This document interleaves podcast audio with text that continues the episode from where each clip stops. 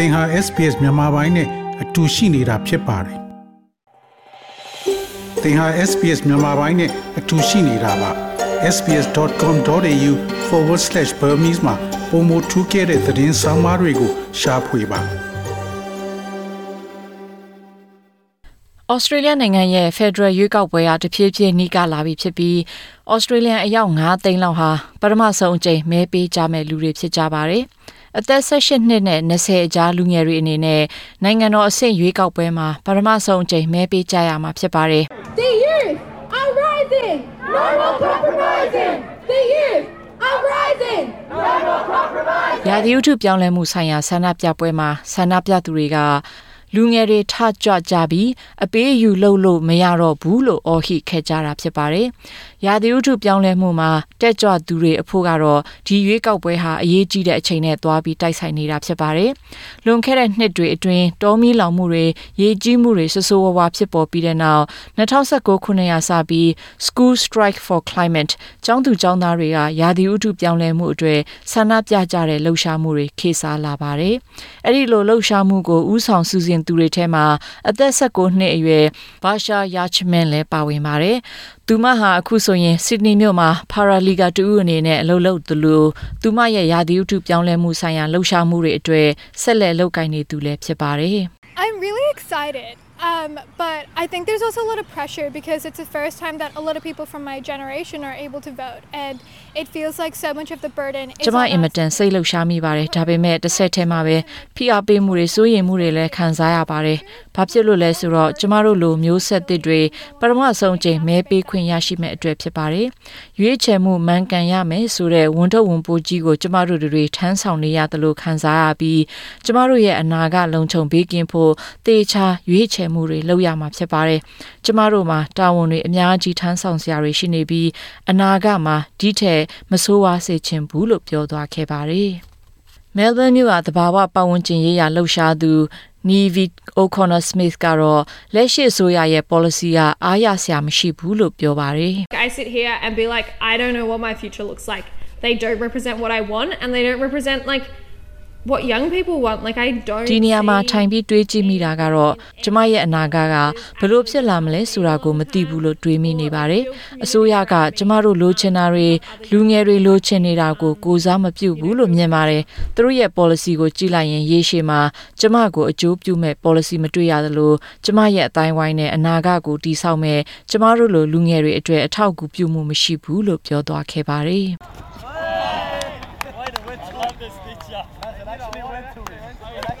ဆစ်ဒနီမြို့အနောက်ပိုင်းကအားကစားကွင်းမှာတော့ရွေးကောက်ပွဲကိုတိတ်ပြီးစိတ်ဝင်စားမရှိကြပါဘူး I'd have to say I know Labor and Liberal that's I'm pretty sure Scott Morrison's Liberal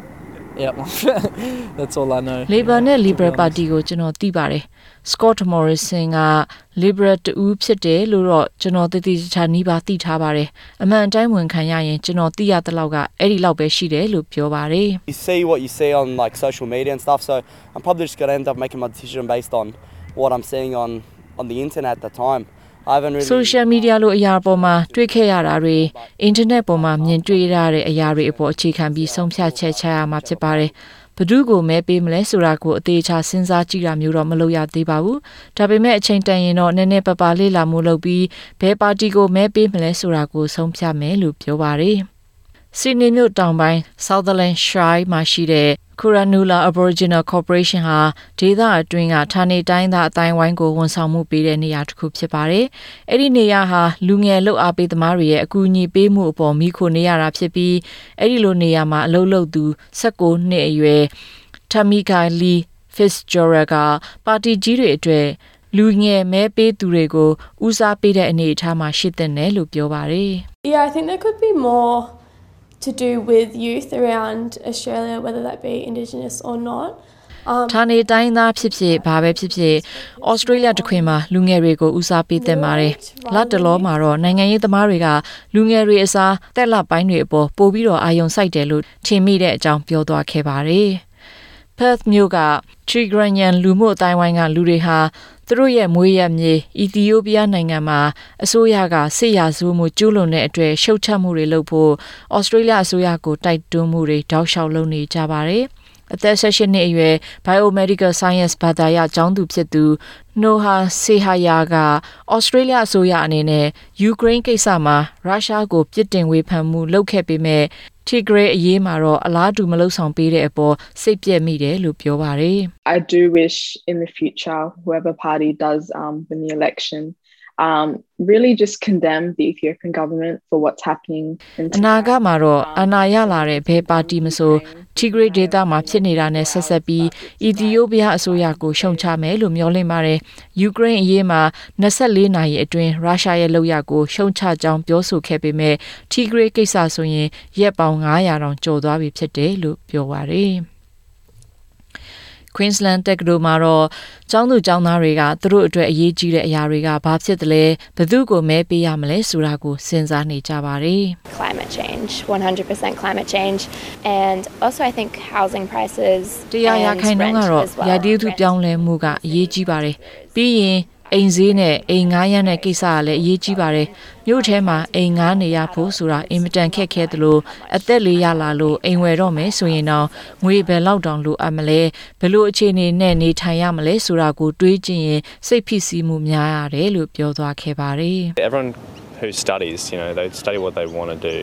So it shouldn't be like they're kind of forcing people to choose different career paths just for um, economic reasons. It should be. အခုကြောင်းတက်နေတဲ့လူတွေဟာသူတို့အလုပ်လုပ်ချင်တဲ့လုပ်ငန်းခွင်နဲ့သက်ဆိုင်တဲ့ဘာသာရတွေအတွေ့တက်ရောက်နေကြတာဖြစ်ပါတယ်။စီးပွားရေးအခြေအနေအရတင့်တော်မဲ့ဘာသာရကိုအတင်းအဓမ္မရွေးချယ်ရတာမျိုးတော့မဖြစ်သင့်ပါဘူး။ကိုဘာလှုပ်ချင်တယ်လဲလှုပ်ချင်တဲ့အရာကိုလှုပ်တာမျိုးဖြစ်သင့်ပါတယ်။အကြောင်းရင်းကကိုမလှုပ်ချင်တဲ့အလုပ်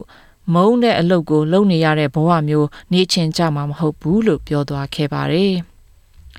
Australian National University မှာနိုင်ငံရေးဘာသာရသင်ကြားပေးသူအကြီးတန်းစာပြပုဂ္ဂိုလ် Dr. Jill Shepherd က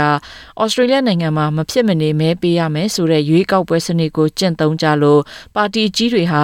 လူငယ်မဲပေးသူတွေကိုဂယုစိုက်တာမျိုးမလုပ်ကြပါဘူး။ဒါကြောင့်ပထမဆုံးချိန်မဲပေးမဲ့လူငယ်တွေဟာလည်းနိုင်ငံရေးစနစ်မှာဝင်ရောက်ပါဝင်မှုနည်းကြတာအဆန်းမဟုတ်ဘူးလို့ပြောပါတယ် I think it's the easiest job in the world for uh, the parties to engage younger people, you know, more than they're doing now, because at the moment they're frankly doing nothing. Uh, all they have to do is speak to young people. on နိုင်ငံရေး things ပါ that တီတွေအနေနဲ့လူငယ်တွေနဲ့ဒီထက်မကထိစပ်ဆက်ဆံမှုတွေလုပ်နိုင်ဖို့ဆိုတာကမ္ဘာအလွယ်ကူဆုံးအလုပ်ထဲမှာတစ်ခုပါဝင်ဖြစ်ပါတယ်။အခုလောလောဆယ်ဘယ်ပါတီကမှမလုပ်ကြပါဘူး။သူတို့လုပ်ရမှာကလူငယ်တွေနဲ့စကားပြောဆိုကြည့်ပြီးဘယ်ဟာတွေကသူတို့အတွက်အရေးပါတယ်လဲဆိုတာကိုစနီးနာကြည့်သင်ပါတယ်။ အဲ့ဒီတော့ရာသီဥတုပြောင်းလဲမှုဆိုင်ရာအကြောင်းပညာသင်ယူနိုင်ရေးအကြောင်းအိမ်ငားနေရသူတွေရင်ဆိုင်နေရတဲ့ပြဿနာနဲ့ပထမဆုံးအိမ်ဝယ်ရင်လိုအပ်နိုင်မဲ့အရာတွေကိုဆွေးနွေးသင့်ပါတယ်။ဒီလိုကိစ္စရတွေဟာပါတီကြီးတွေပြောဆိုဆွေးနွေးဖို့ကြောက်တဲ့ကိစ္စရတွေဖြစ်ပါတယ်။ဘာဖြစ်လို့လဲဆိုတော့အဲ့ဒီလိုလုပ်ရင်တက်ကြီးပိုင်းမဲပေးသူတွေကိုစိတ်ပြည့်စေနိုင်တဲ့အတွက်အဲ့ဒါကိုရင်မဆိုင်ချင်ကြတာဖြစ်တယ်လို့ပြောပါတယ်။ Australia နိုင်ငံရွေးကောက်ပွဲကော်မရှင် AEC ရဲ့အဆိုအရဖေဖော်ဝါရီလကုန်ပိုင်းအထိမဲစည်းရင်းတွေအရအသက်18 19သို့မဟုတ်အသက်20အကြားမဲပေးမဲ့သူကအယောက်ပေါင်း6သိန်း3000ကျော်ရှိတယ်လို့ပြောပါတယ် The message to anyone who is ever listening to us when we talk about enrolment is do it now. It's really easy. You can just go to aec.gov.au. It's a completely online. Australia နိုင်ငံရဲ့ Democratic စနစ်မှာမိမိအနေနဲ့ပါဝင်အရေးဆိုနိုင်မဲ့နီလန်တစ်ခုကမဲပေးခြင်းကနေဖြစ်တဲ့အတွက်အချိန်ခဏလေးယူပြီးမဲစင်းမှာကိုယ့်ရဲ့နာမည်ပါအောင်စီရင်ပေးကြဖို့အချိန်9မိနစ်လောက်သာပေးရမှာဖြစ်တယ်လို့ AEC ရဲ့ပြောခွင့်ရပုဂ္ဂိုလ် Evan Erkin Smith ကပြောဆိုသွားတဲ့အကြောင်းရေးထားတဲ့ Thai Ochizu ရဲ့ဆောင်းပါးကိုတင်ဆက်လိုက်ပါရရှင်။ ဒါမျိုးသတင်းဆောင်မတွေကိုပိုနားဆင်လိုပါလား Apple Podcast Google Podcast Spotify တို့မှာသင်ပင်ရာဖြစ်ဖြစ်ရယူတဲ့ podcast ကနေပါ SPS မြန်မာပိုင်းကို Facebook ပေါ်မှာ like ရှာပြီး like မျှဝေမှတ်ချက်ပေးပါ